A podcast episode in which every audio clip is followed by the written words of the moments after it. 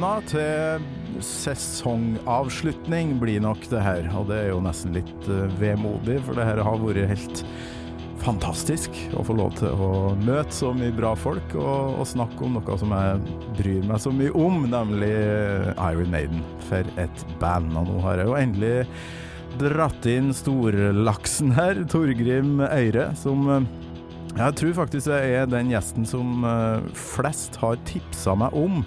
Fått mye meldinger à la sånn uh, Du må ringe Torgrim Øyre, for han er største Maiden-fan i hele bransjen, og bla, bla, bla. Det, det stemmer jo helt sikkert, det. Skikkelig digg å ha en, uh, en fyr fra, som bor i Bergen òg, på, på, besøk. Så får vi litt sånn geografisk spredning her. Og endelig en kar som velger seg Alexander the Great da, for ei låt. 'Scream for me Sommer-Norge'. Her er Torgrim Øyre. Gammal med Torkil Thorsvik. Da kan jeg endelig si velkommen til deg, Torgrim Øyre. For ja, endelig. For jeg har, jeg har ønska meg deg som gjest veldig lenge. Velkommen hit. Tusen takk for det. Det er en ære. Ja, det, det er det, ja. du kom jo inn til Oslo nå fra, fra Bergen. Altså, vi må jo fortelle lytterne hvem, hvem, du er. Du, mm. ja, du har jo tusen jern i ilden, festivaler, du skriver for Dagbladet. Og mm. har vært med i band. Spiller vi band fremdeles? Nei, den karrieren har jeg lagt på hylla for ganske lenge siden. Ja. Black metal på 90-tallet og litt utover òg? Ja, altså jeg hadde jo mitt eget band Malignant Eternal, som var aktivt fra ja, 94 til, um, til begynnelsen på 2000-tallet. Så jeg var litt innom uh, Gorgoroth og, et band som heter Obtain Enslavement, og ja, litt sånn små, små ting underveis. Først og fremst vokalist, eller? I mitt eget band, ja. Uh, ja. Mens i Gorgoroth spilte jeg bass. Jeg sang vel på en låt der òg, men det var bass som jeg spilte utenom, ja. Vært mye trommiser her, nemlig, så det er deilig med vokalister. For da er det litt sånn soulmates. og kanskje gigafan av Bruce Dickinson, eller? Ja, er du gæren? det mest retoriske spørsmålet som noen gang er stilt. Men du jobber jo med festival, Beyond the Gates i Bergen. Riktig. Hvordan går det med den festivalen nå, som viruset har kommet? Ja, altså, det var jo et kraftig slag når uh, dette skjedde, da. Men uh, nå uh, Først så frykta vi jo at hele festivalen skulle ryke på grunn av Ja, du vet. man har jo mm. forpliktelser, økonomiske forpliktelser og alt sånt, men nå har jo på en måte denne situasjonen er jo noe som rammer alle og alle ledd av bransjen, så, så sånn sett så, så, klarer vi oss greit. Og nå jobber vi jo bare hardt for å få 2021 like bra og kanskje enda litt bedre enn det 2020 skulle ha vært. Det var jo noen, noe av en drømmelineup vi hadde fått til i år, da. Men uh, vi kommer ah. sterkt tilbake neste år òg. Det er akkurat det. Vi må sette uh, livet på vent. Apropos det, det her mm. tas jo opp dagen før Maiden egentlig skulle stå på et solrikt Ekeberg uh, og, og, spille for oss. Du har mm. tenkt deg på tons, regner jeg med? Jeg skulle på Tons, selvfølgelig, og eh, det er så fortvilende å se på, eh, på det som kun Eller tenke på det som kunne vært noe, da. Altså mm. værmeldingen er mellom 28 grader og strålende sol, og det lå an til en publikumsrekord av dimensjoner, og du kan jo bare tenke deg eh, den stemningen det har vært oppe på Ekeberg når Spitfire-flyet dingler ned fra lysriggen, og Bruce Dickinson eh, kommer flygende inn fra venstre, liksom. Ja, damn. ja, damn. Vi får uh, trøste oss med podkast. Og så må jeg jo ta med at du er en veldig bra skribent. En av de musikkanmelderne som jeg tror på, for du er jo Maiden-fan. Uh, det skal vi inn på nå. Vi starter fra starten. Jeg har en mistanke om at du er Maiden-fan, nemlig. Um, husker du første gangen du hørte uh, ei Maiden-låt? Å oh, ja. Å oh, ja. eller, eller det vil si uh, den aller første gangen var jeg kanskje ikke bevisst på at det var Iron Maiden jeg hører, uh, men jeg mener at vi satt bak i en en bil eh, en gang i rundt 85, og, og vi hørte låter som 'Hello Be The Name' på en sånn samletape. Eh, eh, eller et eller annet sånt. Men er første gangen jeg virkelig var bevisst på at eh, dette her er Iron Maiden. Det var jeg og en eh, kompis som eh, sneik oss inn på gutterommet til eh, hans eldre bror. Og okay. rommet var eh, dekka av eh, Maiden-plakater. Det var Peace of Mind, det var Live of the Death, og det var en, eh, en Number of the Beast-poster med sånn selvlysende gul i flammene. Da. Så det, var, det gjorde bare sånn der umiddelbart eh, inntrykk, da. Og eh, broren hans da satt på Summer in Time, som på, på det tidspunktet var rykende fersk, Ok. og spilte tittelsporet og eh, Heaven Can Wait. Og det var, altså, var umiddelbart solgt. Altså, det, det var ikke tvil, liksom. Eh, altså, det er jo som å komme inn i en dungeon da, med alle Eddie-plakatene rundt omkring. Eh, Oh, yes. Skummelt, eller? Hvor gammel var du? Eh, da var jeg vel akkurat fylt ni, tenker jeg. Eh, Så ja, ja, det var skummelt. Altså, det var jo sånn visuelt ekstremt eh, sterkt, men òg bare sånn her eh, litt sånn grøsselig fascinerende, på en måte. Altså, du, du skjønte at det, her var det en verden som, eh, som du ikke har sett før. Som her er det bare liksom å stupe inn og ikke se seg tilbake, liksom. Og, det, liksom, jeg var ni år, men det, det følte det der og da at dette her er noe som bare er, ligger i mitt eh, hjerte, liksom. Oi. og, ja, og så må vi jo si, eller du må fortelle meg hvor stor, hvor viktig har Maiden da vært siden det øyeblikket? Eh, jeg har jo bare hørt noen rykter om at, eh, at det er helt vilt hvor stor Maiden-fan du er.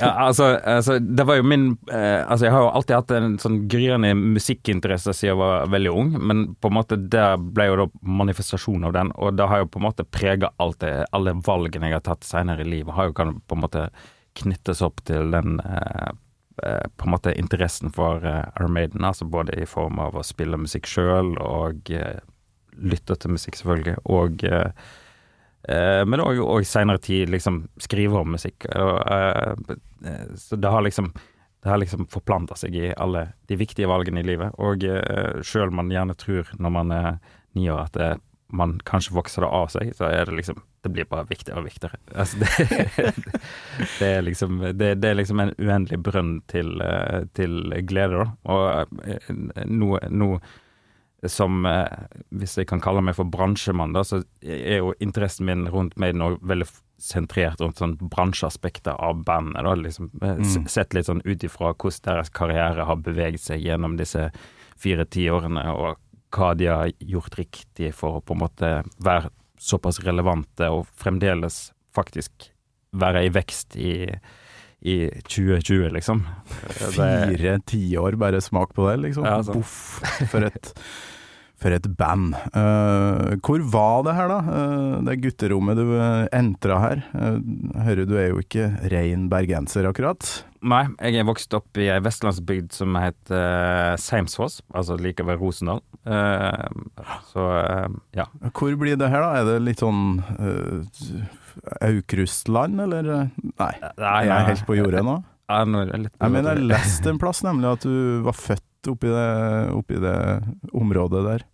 Nei, jeg er, jeg er faktisk født i Oslo, men jeg har bodd de første årene i, i Drammen. Men jeg er vokst opp på, på Vestlandet, der eh, far min kom ifra. Så nei, det er, ganske, det er ikke så langt ifra Stord, så det, man kan si det er midt oh, ja. mellom eh, Haugesund og Bergen. Så langt unna blink som det går an å komme der, altså. Men uh, Wikipedia og alle plassene der som jeg gjerne eh, går innom, uh, lyger jo veldig ofte. Du er ikke inn og, og fikser på sånne ting når du leser Nei, Nei, men, jeg, nei, men kanskje vi bør gjøre det. det, det bør du gjøre. Ja. Men du, vi, vi har jo sånn her at uh, hver gjest får ønske ei låt, da. Um, ei Maiden-låt fra helst 80-tallet, og hva har du mm. falt ned på? Eh, jo, altså, jeg har eh, landa på Alexander the Great av flere grunner. Det er jo blitt en litt sånn eh, myteomspunnen låt, av den Mm. enkle grunn at eh, ja, altså, det er jo veldig mange som syns det er en helt fantastisk Maiden-låt, men den har jo aldri vært spilt live.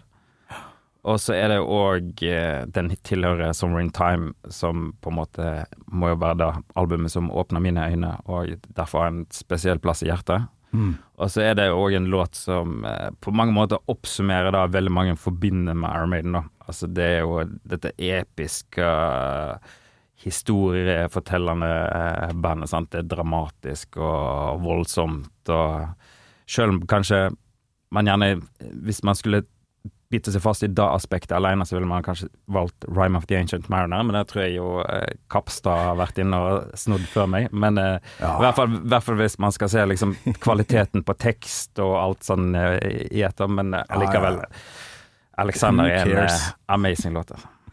Hadde jo en uh, historiker innom her òg, som uh, på lik linje med deg uh, valgte yrkesretning ganske så kraftig inspirert av Iron Maiden. da. Ja, ja, ja.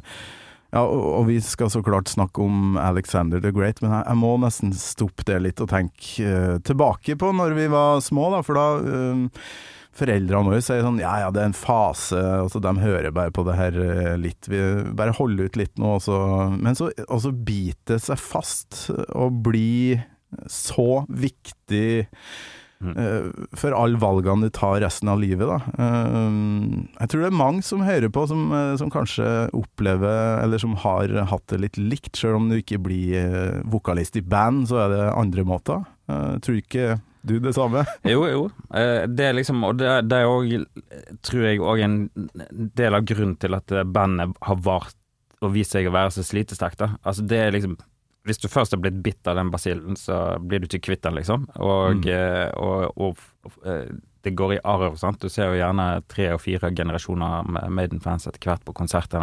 Og, og, Det er så rørende å være på Maiden-konsert for tida. Uh, Ja. I fjor var jeg på Kiss i, på Trondheim Rock, så det er litt samme der òg. Ja, ja. Du tar med seg ungene og sminker dem, og det, det er så nydelig. ja, ja.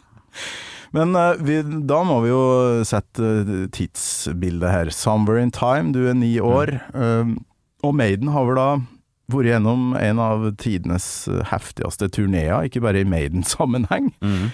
Um, og er sliten og skal gå da Ja, de fikk vel en sånn fire måneder pause uh, før de begynte å skrive, da. Ja. Aner du hvor lang den turneen var? Uh, Slavery Tour? Uh, ja, hva er det da? Altså, jeg husker ikke nøyaktig på tallet, men jeg tror det var rett under 200 konserter, 190 et eller annet. Ja. Og den ble jo forlenga underveis òg, da.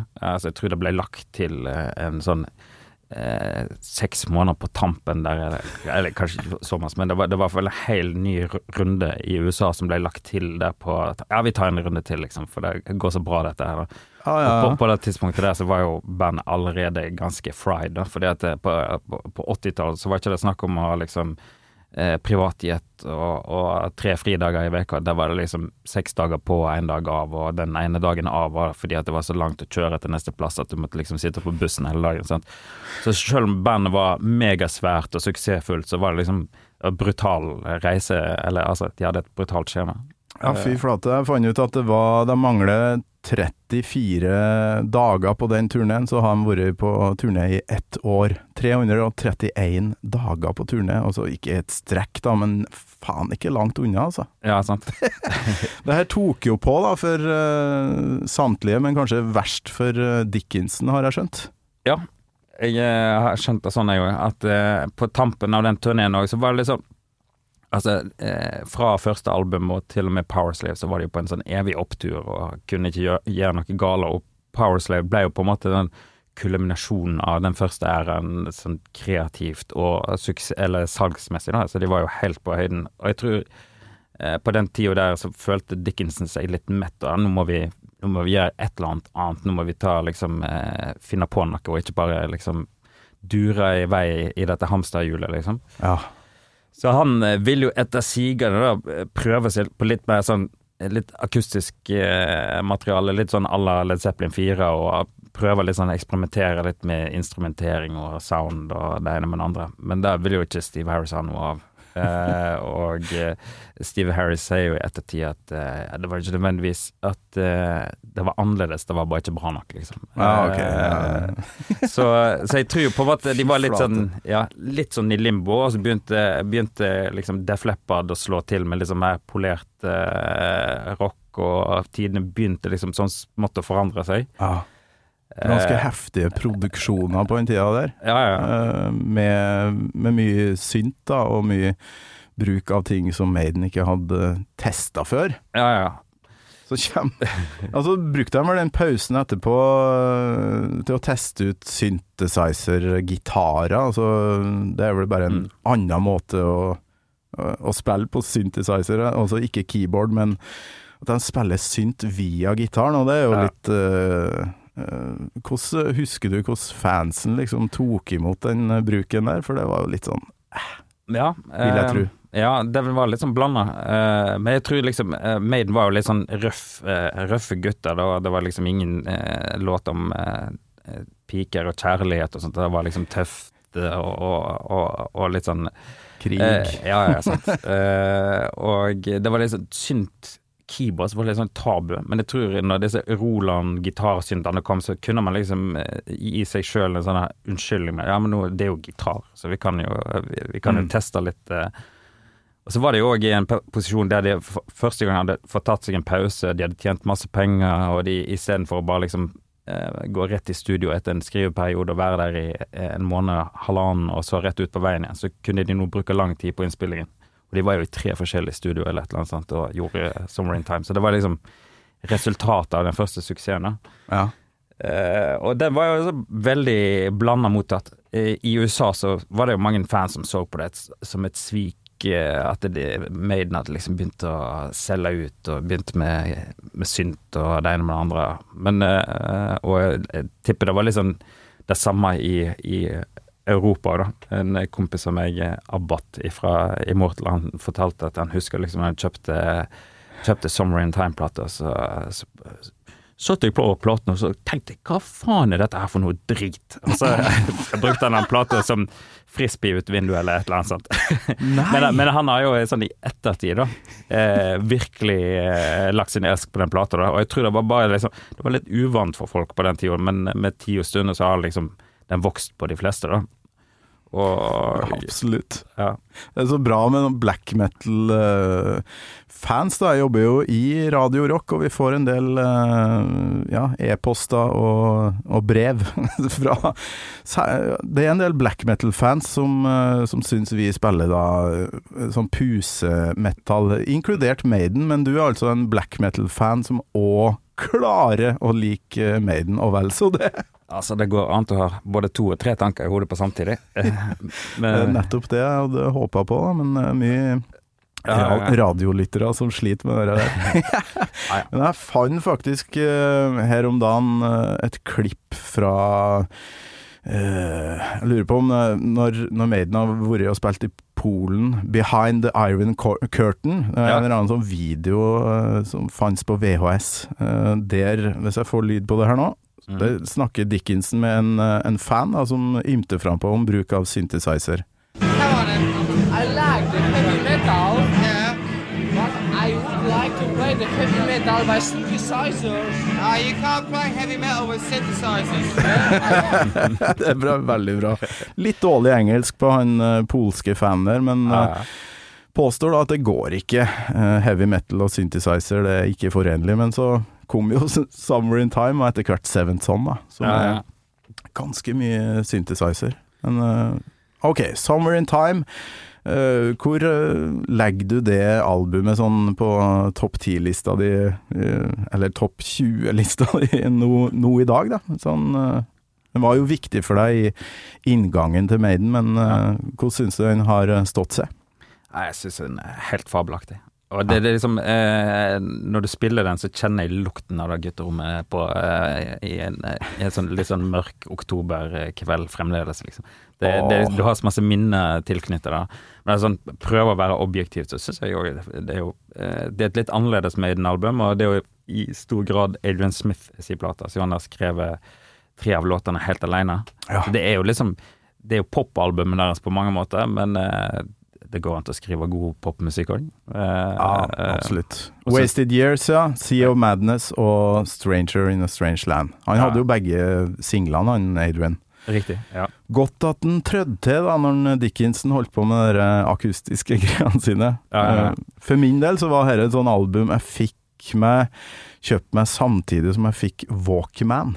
Og, oh, og jeg prøvde jo da Jeg syntes det var så digg på den tida å bare ligge helt for meg sjøl å ha headset og høre på Og så bare lukke øynene og høre på musikk i en times tid, da. Mm. Og, og Summer in Time har det soundet som bare passer så utmerket til å bare drømme seg langt vekk. Walkman-soundet. Ja, ja, det var jo litt ræva lydkvalitet, så klart. Men, men Sea of Madness og, og ikke minst Loneliness av The Long Distance Runner. Alle dere eh, Det er sånn stemning der. Altså, det er en helt unik stemning i den plata. Og jeg, jeg vet ikke om det er bare fordi at den Det var den plata som tok meg inn i Maiden, men det er en eller annen veldig særegen atmosfære der.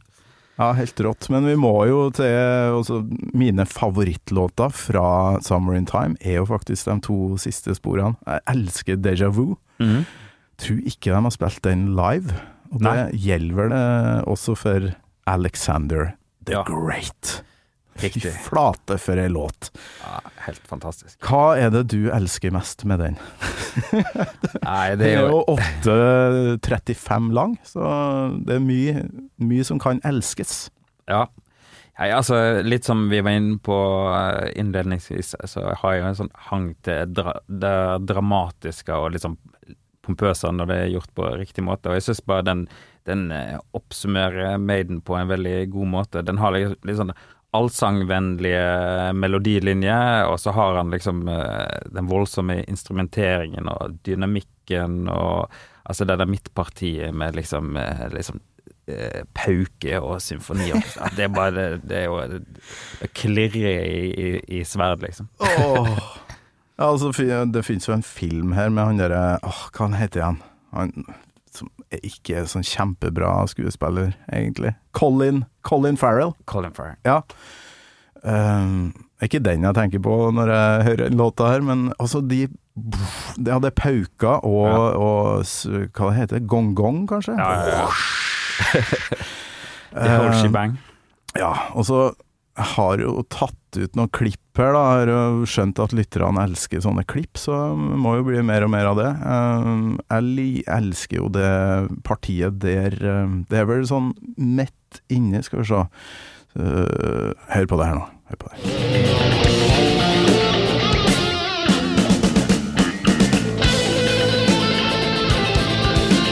Ja, det er så digg. Liten pause i uh, gitarsoloen, uh, inn med Steve Harris. uh, og ikke minst den eh, ja, såkalte sloppy bass... eh, jeg, vet, jeg aner ikke hvordan han får det til, men eh, den derre basslyden hans hva, Har du forska på det, du? Eh, nei, altså Den er spesiell. Eh, eh, Høyrehandsteknikken hans er jo veldig spesiell. Og så er det, bruker han visst noen strenger som er sånne flat horn. Altså, de er, de, har ikke, de er helt glatte, uh, så de, de klirrer litt ekstra. Og så er han jo ikke så veldig glad i bass sjøl, altså eh, bassfrekvenser. Skrur, altså, det er jo veldig lite bassfrekvenser i bassen hans. Altså, Ja. det, er, det, er det blir mye clank, liksom. Uh, Ja, hvis du hiver det på en sånn uh, Ja, la oss si at du setter 'Summer in Time' i CD-spilleren i en sånn ordentlig rånebil, da, med en sånn woofer i bagasjerommet. Så eh, tror jeg ikke du får den der buldringa som Nei, du gjerne får med annen, annen musikk. nei, det er sant, det. Det er et godt poeng, ja. Ja. Men eh, jeg har Oi, hør på den her sloppy Jeg har nemlig et klipp her som heter bare 'Sloppy'. Hør på det her.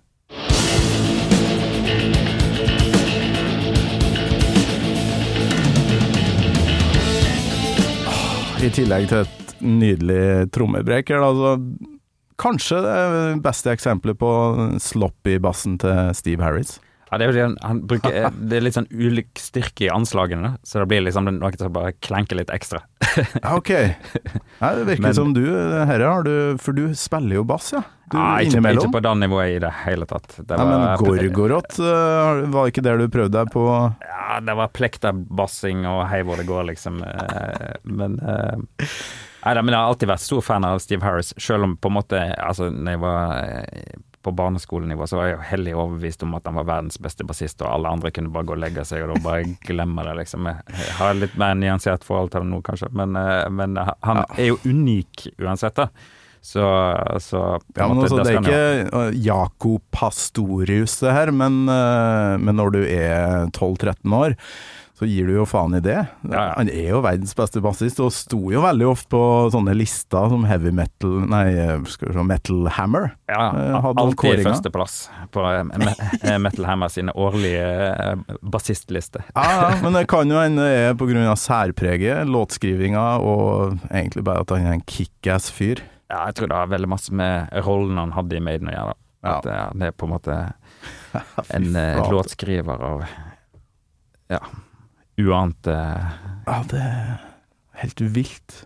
Jeg, jeg krangla så mye med brødrene mine, for det var jo Duff McKagan som var verdens beste bassist eh, der i gården, da. Oh, ja, ja. Og så kom jo Red Hot med Blood Sugar Sex Magic, så da var det Flea. Og slappbassing. Nei, fy da.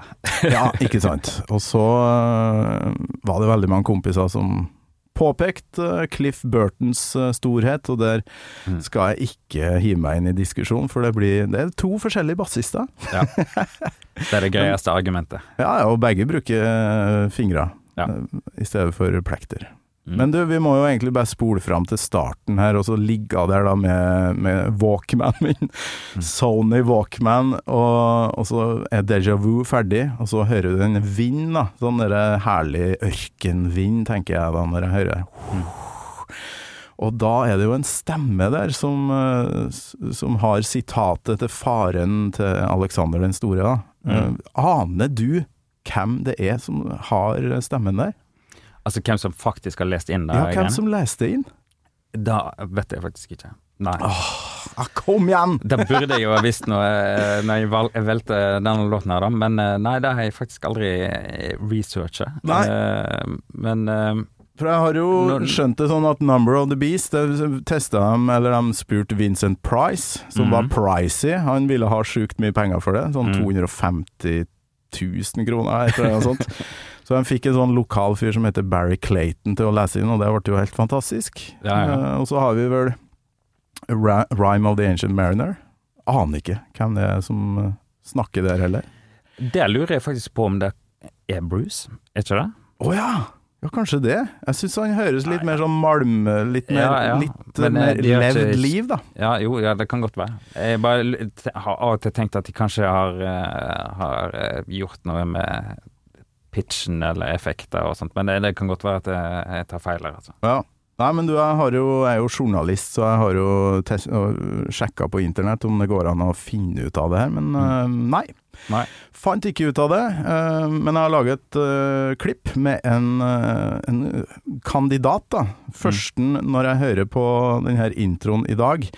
Førsten jeg tenker på. Nå kommer jo introen først her, da, så får du Kan du høre om du uh, hører hvem det er som, uh, som kommer etterpå? Hør på det. My son, ask for thyself another kingdom, for that which I leave is too small for thee. He turned from that path a long time ago. He's chosen exile. The line of kings is broken.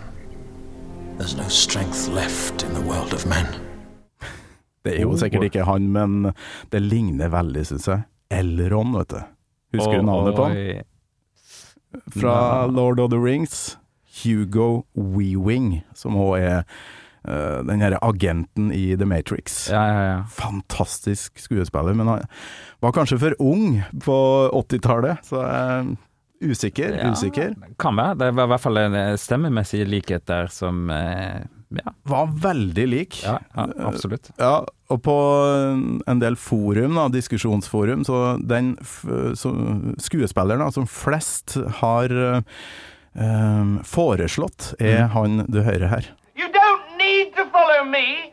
You don't need to follow anybody. You've got to think for yourself. Monty Python, ikke sant? all individuals. Yes, we're all individuals. You're all different. Yes, we are all different. I'm not. Ah, Life of Brian. Graham Chapman. Japp. Litt for lys stemme, spør du meg, da. Ja, ja. Det tror jeg ikke noe på, ass. Um, og han spilte jo i Can I Play With Madness-videoen Ja. etter hvert. Faktisk den siste tingen han gjorde før han Det er ganske, ja. Ja, Tror jeg. fikk plutselig noe kreft. Uh, var til tannlegen, leste jeg. Mm. Eh, og så fant de en svulst, og det var slutten på Graham Chapman, som var en fantastisk fyr. Men jeg tror Mm. nok ikke han er med på Summer in Time og Alexander the Great. Nei, det høres ikke helt sånn ut. Men eh, det er jo Altså, bandet, spesielt Bruce, har jo eh, flere bånd til Monty Python-gjengen. Og han har jo Ja. laget en eh, film med Julian Doyle, blant annet, og ja, diverse. Ja. Så Men det høres ikke veldig likt ut. Bruce. Dickinson du tenker på? Ja, ja, Ja, for han er sånn film eh, skrevet i manus og ja, vet da søren. eh, mye filmgreier han har vært igjennom. Ja, ja. Så Men jeg har et siste for, eh, et siste forslag her, da. For eh, jeg begynte jo å tenke på Max von Sydow, men han har en sånn egen uh, svensk uh, aksent som ikke passer helt inn. Men han fyren her er ikke så langt unna. There a great disturbance in the force, as if millions of voices suddenly cried out in terror and were suddenly silenced. I fear something terrible has happened. Ja, Mm, -hmm. du hørte vel hvem det var? I felt a great disturbance in the force. Star Wars Ja. og Obi-Wan Kenobi, vet du. Altså- Alec Guinness. Han har den derre eh, malmen i stemmen som, eh, som den introen har. Så Ja. kanskje. Men, Det- det men da kanskje- tror jeg vi hadde visst av det. Ja, det er kanskje dårlig av meg, men jeg, er faktisk ikke noen stor Star Wars-fan. Jeg har sett de, på en måte de tre eldste filmene, men jeg har faktisk ikke sett de siste. Og det er veldig, veldig lenge siden jeg så de, eh, de tre som ble spilt inn først. Ja, og Men- det virka ikke som du bare var helt på når jeg spilte av noe fra Lord of the Rings her heller, så Nei, jeg så de når de kom ut, men jeg, jeg har ikke sett de igjen siden den tid. Jeg Å, leste faen, bok jeg òg har back in the day, liksom. Extended versions uh, som varer i fire timer. Altså én film varer i fire timer, Ja, og jeg elsker det fremdeles. Ja, ja. Og elsker Star Wars, da, men jeg har hoppa litt av den nye franchisen. da, Men uh, Ja. Du må jo være enig i at de tre første der, som kom på 70- og 80-tallet, det er jo movie magic. Ja, ja. Altså, det, det, det er ikke det at jeg ikke likte det, men jeg har bare liksom ikke klart det. Og jeg, jeg synker ikke inn i det på samme måte som med meg. Så når jeg har sett det liksom en gang, så har jeg eh, Ja. Mm. Det var, det var gøy, men eh, ja. Jeg har faktisk Og det er litt sånn eh, Kanskje litt paradoksalt med tanke på at Summer in Time med coveret og Blade Runner og Terminator-fascinasjonen som er liksom all over the place. Så er ikke jeg så veldig på sci-fi heller. Men jeg Nei. elsker jo da coveret, da. Altså, det er jo helt amazing, liksom. Ja, fy flate. For et uh, herlig cover. Ja.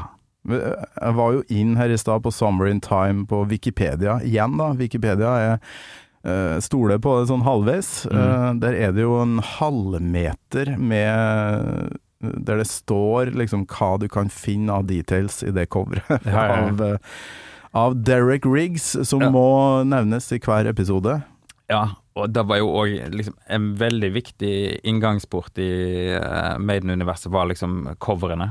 Altså, jeg nevnte jo tidligere Live of the Death eh, og Peace of Mind-plakatene, dette her, men og da å sitte liksom med Summer in Time-coveret og høre musikken og bare leite etter eh, referanser og sånn, så det, så Aces High Bar, og så oppdager du at å, de har en låt som heter Aces High, for da var jo helt ja, ja. ny til Maiden, og så bare sitte og på en måte gå att og fram, og, og liksom ting som trigger nysgjerrigheten såpass at du måtte fram med leksikon og, og, og, og bare og spør mor di om hvem er, hvem, er, hvem er han kongen der, har du hørt om han? Og, Ja, ja, ja.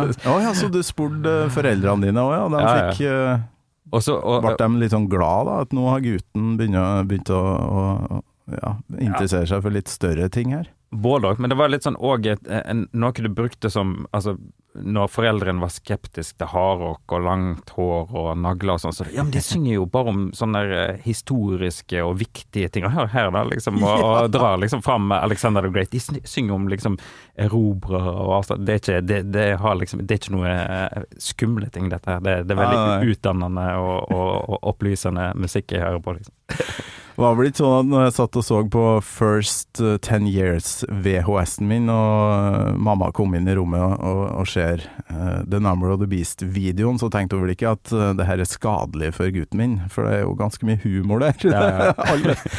Det er ganske laber, uh, men artig musikkvideo. Ja. Var jo ikke noe MTV-band uansett, det her, da. Nei, de har vel aldri, aldri vært noe sånn der Ja, verken MTV Darlings eller sånn spesielt cutting edge på akkurat det der videoformatet, da. Selv om de har liksom eh, av, av en eller annen grunn så har det sånn TV-spill blitt deres eh, greie og go to-greie når det gjelder musikkvideoer og sånt. Jeg har, jeg har liksom en hel haug med videoer som er basert rundt TV-spill og sånn, Ja, som er veldig rart.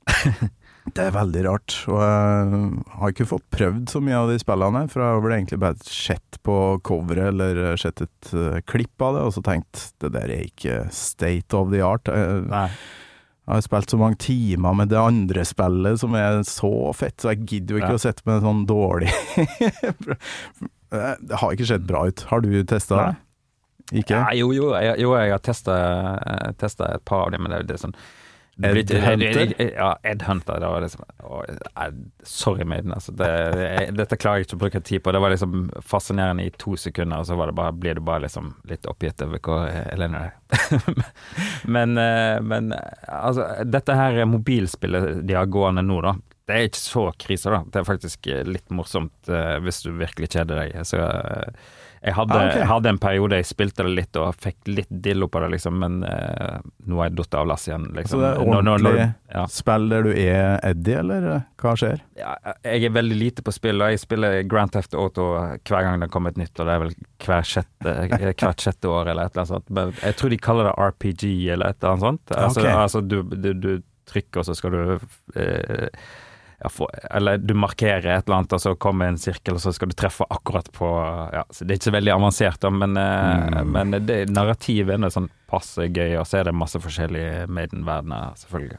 Ja, Nei, jeg var litt sånn Assassin's Creed-fan, og det var det jeg spilte. Helt til jeg ble pappa. Da var det jevnt slutt med den PlayStation. Men nå Ja. er jo ungene i gang da, og spiller eh, Fortnite og sånt, så da må jo en far slenge seg med innimellom. Ja, ja. Men uh, tilbake til den her grandiose låta. Hvorfor tror du de aldri har spilt den her live? Hva kan være greia der? Ja, det er et godt spørsmål. Um, jeg tror hvis, Jeg har liksom prøvd å finne ut av dette før, og eh, fans spør jo gjerne medlemmer i, ut, i tide og utide om hvorfor den aldri har blitt spilt. Og så vil de jo aldri helt sånn klart gi noe klart svar på det, da. Eh, Men det nærmeste man har kommet, er vel, tror jeg Nico sa en gang at de bare rett og slett ikke fikk han til å låte, eller et eller annet sånt.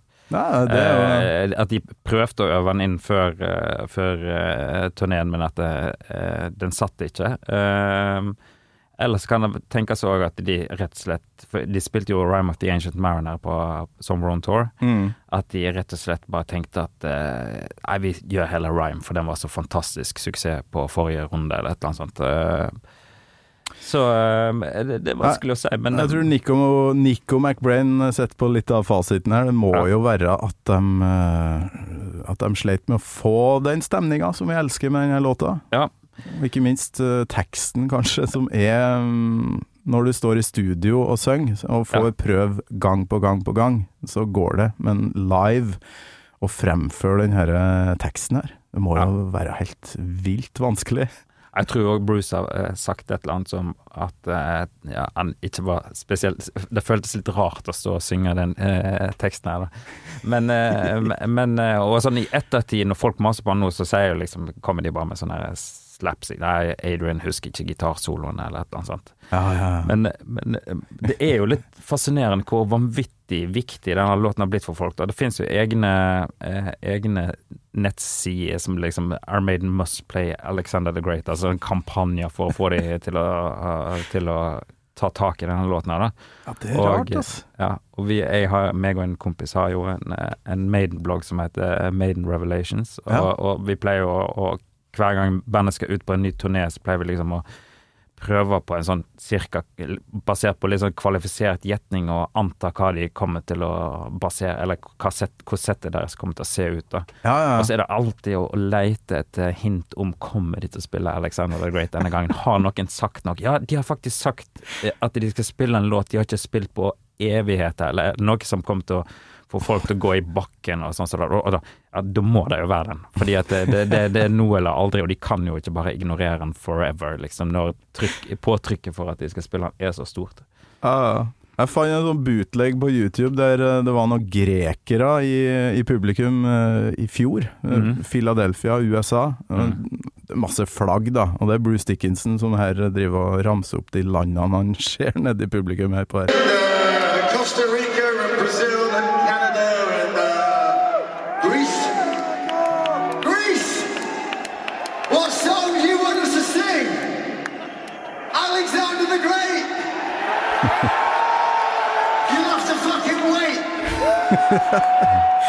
You'll have to fucking wait, så han åpner litt for deg. Kanskje. Nei, men eh, nå skal du høre at uh, det er ikke tilfeldig, nemlig. Uh, og okay. han, ko- han, jeg har hørt det klippet før, og han kommer tilbake til, til, til, til han samme fyren i publikum seinere i showet. Okay. Eller seinere i, i, i Så sier han et eller annet sånt som uh, We're gonna do it. But eh, you just Eller eh, han kom liksom uh, Han sier Og det har han gjort på flere av showene sine. av disse spoken word-showene sine nå i det siste året, så har han òg faktisk For før Jeg vet at det, folk har liksom Det har vært så masse spørsmål om Alexander the Great på de showene, så har han bare kasta de spørsmålene i bosset, da. Og du vet jo at det, han, han bestemmer jo sjøl hva spørsmål han vil ha, og hva han vil svare på, da. Så, Ja, ja, ja. Sant? Og, og den eh, Alexander har begynt å dukke opp oftere og oftere i løpet av disse spoken words-greiene. Altså han plukker ut eh, Og der han faktisk eh, hinter ganske kraftig og tydelig på at de kommer til å gjøre. Ok, så det er in the making her. De driver og øver litt, da. Eller det er vel han da som driver og Det er jo egentlig bare å høre på den teksten her. A Phrygian king had bound a chariot yoke, og det er faktisk bare ei linje, altså, som skal Den skal ut på to sekunder. And Alexander cut the Gorgian knot, and legend said that uh, who untied the knot, he would become the master of Asia. Jeg tror jeg, det er det verset jeg har et klipp av her. Hør på. Uh, det er jo en bragd å få det her fram i et uh, vers. Phrygian king around a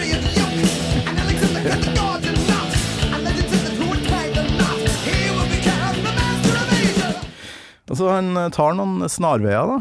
Det er noen Ja, det- ord han bare kutter ut og Tror du du hadde klart å fange opp den linja der uten uh, tekst i hånd? A Phrygian king had bound a chariot yoke. Den hadde jeg nok ikke uh, Det var jo det jeg som vokalist måtte gjøre da jeg begynte i band. Jeg måtte sitte og høre og skrive ned det jeg trodde de Ja, ja, sang.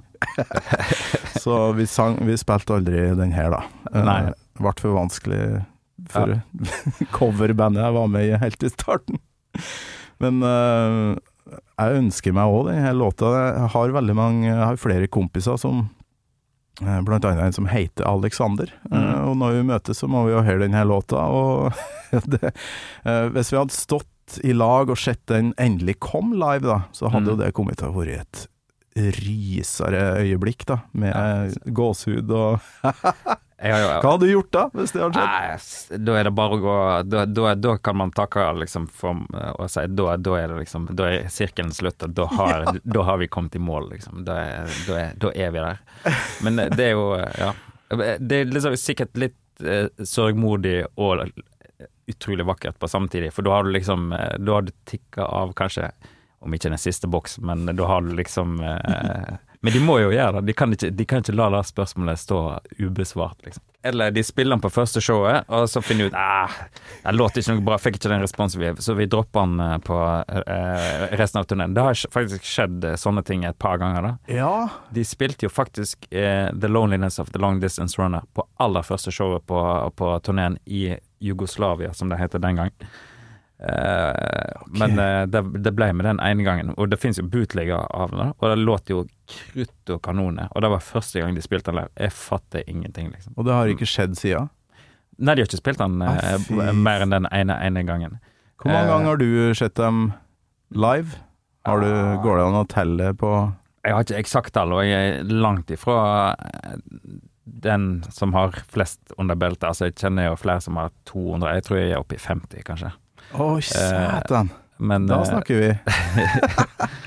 ja, jeg hadde tre-fire på tapetet denne sommeren her, men eh, vi får jo se da til neste sommer om eh, de får lov til å dra i gang igjen. Det er jo litt sånn tveeggersverd, for nå er de jo blitt så store at nesten alt er stadionkonserter eh, som er lagt opp til neste år, da. så det jo, sitter jo kanskje litt langt inne og Mm. åpner for eh, så store folkemengder, men eh, vi får bare krysse fingrene. Ja, for neste år så blir det jo sikkert ikke Legacy med, med fly, Spitfire og full pakke, tror du det? Uh, Jo da, det, altså ja, de, kjører, de utsetter bare De utsetter Dette skulle jo være siste runde nå i sommer, da. Ja. eh, og vår. Eh, så den runden er jo utsatt til neste sommer. Han er krympa litt inn, og de spiller jo ikke festivaler til neste Nei. sommer. Men, men de skal gjøre legacy. Men hvis, hvis de må begynne å dytte på, på eh, de konsertene igjen, da tror jeg det er tvilsomt at eh, det blir legacy neste gang vi ser dem.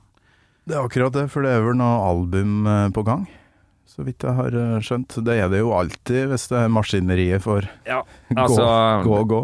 Ja, det er jo mange som har lagt sammen to pluss to og, og funnet ut at da albumet mest sannsynlig er innspilt allerede og ligger på heving, holdt jeg på å si. Mm. Så de kan jo ikke om så er tilfellet, da, så, eh, så kan de jo ikke på en måte la det ligge i, i hvelv i tre år og vente på at covid-19 skal fly sin vei heller. Absolutt ikke. Du, er, du som er i bransjen, hvor mange ganger har du møtt uh, den gjengen her? Og så har du møtt alle sammen i Maiden? Mm, ja. Da, i, i forskjellige uh, sammenhenger, holdt jeg på å si. Første gang var faktisk uh, Jeg var eh, aleine på uh, Skulle jo se det i Spektrum i 1992. Eh, og så traff jeg noen likesinnede utafor Plaza uh, som sto og venta på, på, på bandet, da, og, og hadde hørt rykte om at de bodde på Plaza. Og så sto det en hel gjeng der, vi var, jeg tror jeg var 15 eller et eller annet sånt, så sto det en del større gutter der, da, og bare Nei, Maiden bor ikke her, altså. Og så bare Ja, hvorfor står dere her, da? Nei, vi venter på testament, vi. For de ville, de ville jo bare at vi skulle liksom fordufte, sånn at det det større sjanse for å Testament var support, eller? Yep, på yep, yep. Fair of the Dark-turneen her, da? Ja, det var vel Testament sin Souls of the Black-turné, tror jeg. Ja. Eh, men uansett, så klarte de jo da Eller om de klarte å lure oss, eller om de i hvert fall vi måtte bare sjekke om det de sa var sant. For de pekte oss i retning Royal Christiania, og de sa at de er Maiden der borte. da. Ok. Så vi gikk i den retningen. Vi var fire stykk eh, totalt. Og så i undergangen bort med jernbanen her borte, så møtte vi ei, dame som stoppa oss. Og så sier liksom Jeg ser dere Maiden-fans. Eh, eh, ja, det er vi. Ja, uh, jeg skal bort og intervjue dem på Plaza nå, for Dagbladet. Hun var journalist for Dagbladet. Ah, Og så hadde hun sikkert i, kanskje ikke den ultimate vinklingen på blokka si, så hun tenkte jo bare liksom Kanskje jeg skal ta med meg noen fans og gjøre, gjøre en story av det istedenfor, liksom. eh, du kødder. Nei, nei. Og så, så vi, vi, vi eh, fulgte jo etter hun tilbake til Plaza og gikk inn og møtte turmanageren til eh, Maiden. Jeg så han kom i dress ned trappa. Skravle, skravle. Vi måtte jo stå utafor og se liksom på Og så ser vi liksom på mimikken hennes og hans at mm, dette ser ut som eh, det ordner seg, da. Og eh, så kom hun ut. Ja, ja, fint, dere kan være med. Så vi ble geleida inn forbi denne gjengen som sto og venta på Testament, og, og opptrappene, oh. og de ble lange i masker når de ser eh, Dave Murray, Jenny Kers og Nico eh, benker seg opp på en sånn der eh, avsats, og vi får, vi får sette oss ned med det og stille spørsmålene for Dagbladet. Nei, dæsken ta. Åh, hvordan Da hadde jo jeg eksplodert hvis jeg hadde vært med på noe sånt. Hvordan reagerte lille, lille, store Torgrim på vei inn i voksenalderen? Nei, det er, herregud, det var helt uh, fantastisk. Og, og det var så jovialt og, og kult, liksom. Altså, de var, de var så, de var så easygoing og Hvem var det Dave, Dave Murray og Ja, det var Dave, Dave Murray og Jenny Kerr som endte opp med oss da, og Nico tror jeg snakka med VG, men han satt med nabobordet. Satan. Og, eh, Å, fy faen. og, og overskrifta i Dagbladet dagen etterpå var, ble som følger 'Skulket skolen, fikk møte heavyheltene', eller et eller annet sånt. Å, det er vakkert. Og for et minne, og for en uh, Ja, bare i den tittelen her er jo alt Maiden handler om. Skulke skolen for å Selv om eh, eh, mor mi måtte liksom til sine kollegaer Nei, han, han, har ikke skulka, han hadde fått melding med seg hjemmefra, og læreren hadde sagt det var ok, liksom. måtte dementere den, da. Men eh, ja. Ja, veldig bra. En liten uh, løgn der, altså. Men Ja. eh, hadde du mye sånn stæsj? Er du en sånn samledude? Som liker å ha mye Maiden-ting? Ehm, ja, i, i, altså i, i begynnelsen så kjøpte jeg alt jeg kom over, liksom. Eh, Ifra jeg liksom oppdaga Maiden eh, høsten 86 og fram til høsten 97, nei, unnskyld, 87, så hadde jeg liksom kjøpt meg bakover i, i katalogen og hadde alt på kassett først, og så eh, etter hvert så bytta jeg det ut i LP og sånt, men så kjøpte jeg òg eh, Maxi-samlingen til en kompis, og, så jeg prøvde liksom å henge med på singel og maxi og, og hele den greia der. Men så, når du blir litt altså, Plutselig så bare eh, Altså, den verden ekspanderer så vanvittig hvis du først skal begynne, liksom. Da. Altså, Ja, ja, ja. Det, du skal ha alle pressingene av Du skal ha UK-pressinger, og du skal eh, malaysisk press av, eh, av det- altså, så på, på et eller annet tidspunkt så, så bare eh, ga jeg opp den biten. da. Og eh, jeg kjøper jo vinylene og sånn fremdeles, men jeg, jeg, jeg saumfarer ikke eBay etter gule sjutommere og sånn. Det har nok apropos- resultert i flere ja. mer penger til ferie og sånne ting, vil jeg tro. For det koster jo litt der etter hvert, når det blir gammelt og, og de prisene er jo helt Ja, helt vill. Eh, bare for å ta et eksempel, så, så gikk det nettopp en, en uh, Twilight Zone sjutommer på eBay for eh, 80 000 norske. 80 000. Ja. Uh, og da snakker vi en singel, da. Eh, Ja. Var det noe spesielt med den, eller? eh? Ja, det, det, det blir å regne som the holy grail i, i Maiden-samlinga. Det, det er en uh, Twilight Zone eh, sjutommer som har blitt brungul.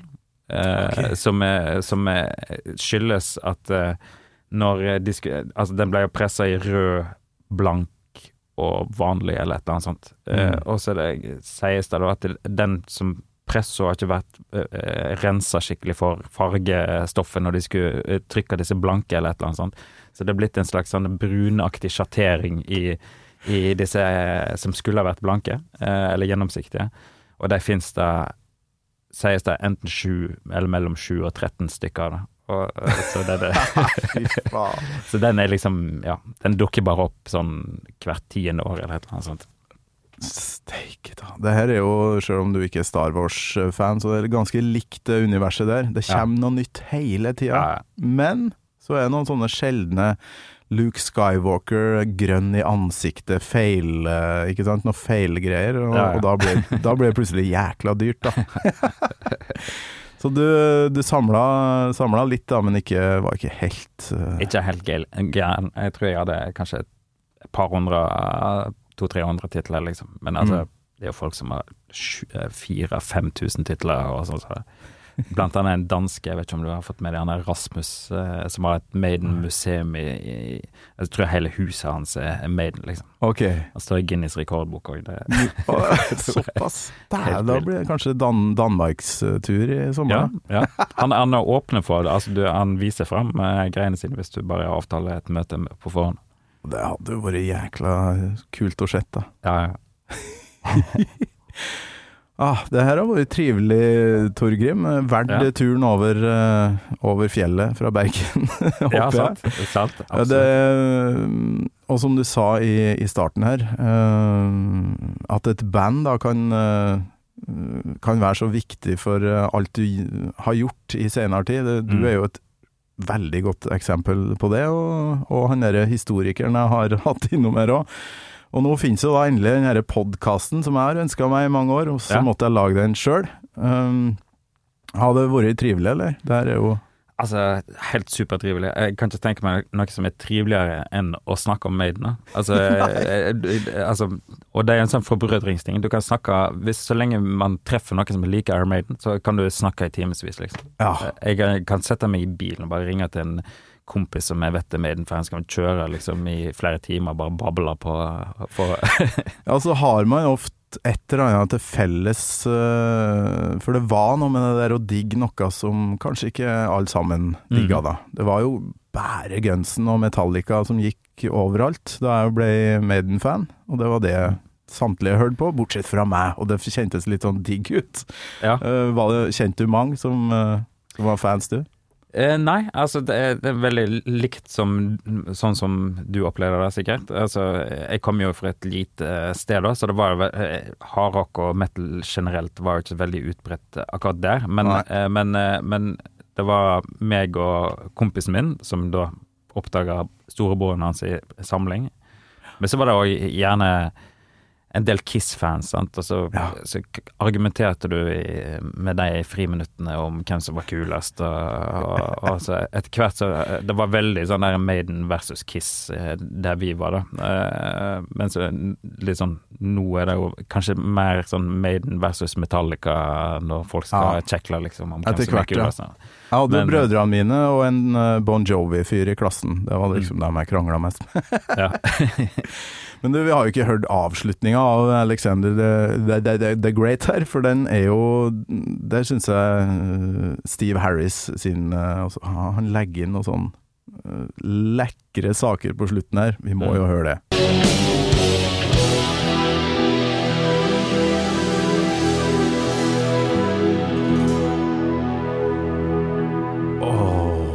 Når han havner på grunntonen på slutten der. Damn. Ja, nå Eh, fikk jeg faktisk eh, ganske så grei stå, ståpels her.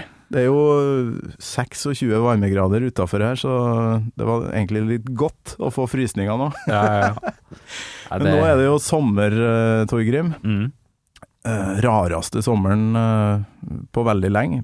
Ingen festivaler bortimot. Altså, ikke noe stort i hvert fall. Så, så det var fantastisk fint å ha en festivalmann inn i sesongavslutninga, da. På Gammal Maiden er tilbake i august, vil jeg tro. Og så hva, hva skal du gjøre i sommer? Uh, for å liksom få bøte på det her mangelen på livemusikk, da. Nei, altså, det blir jo å se Maiden-konserter på YouTube og den slags, da. Nei da. Det blir planlegging av eh, aktiviteter til neste år, tenker jeg. Men så blir det jo en, eh, kanskje en sørlandsferie med familien. Vi får se. Så får vi krangle om, om det blir uh, hvem som skal få bestemme musikken i bilen. Sånn som jeg måtte da jeg var liten. Dire Straits eller Maiden, det var krangelen her i går. Ja, det var, det var ikke, jeg tror det var Brothers in Arms versus uh, Somewhere in Time, eller fy flate. Bra album, det òg. Ja, ja, selvfølgelig. Helt fantastisk. Men jeg vil ønske alle som hører på og har hørt på hele denne eh, våren, god sommer. Eh, fortsett å høre på, så er jeg ganske sikkert tilbake i august, tenker jeg. Og så må jeg si eh, hjertelig takk for besøket til Torgrim Øyre. Tusen takk for at jeg fikk komme. Må du jo ha en god sommer, da. Takk. Gammal Maiden med Torkil Thorsvik, en podkast fra Radio Rock.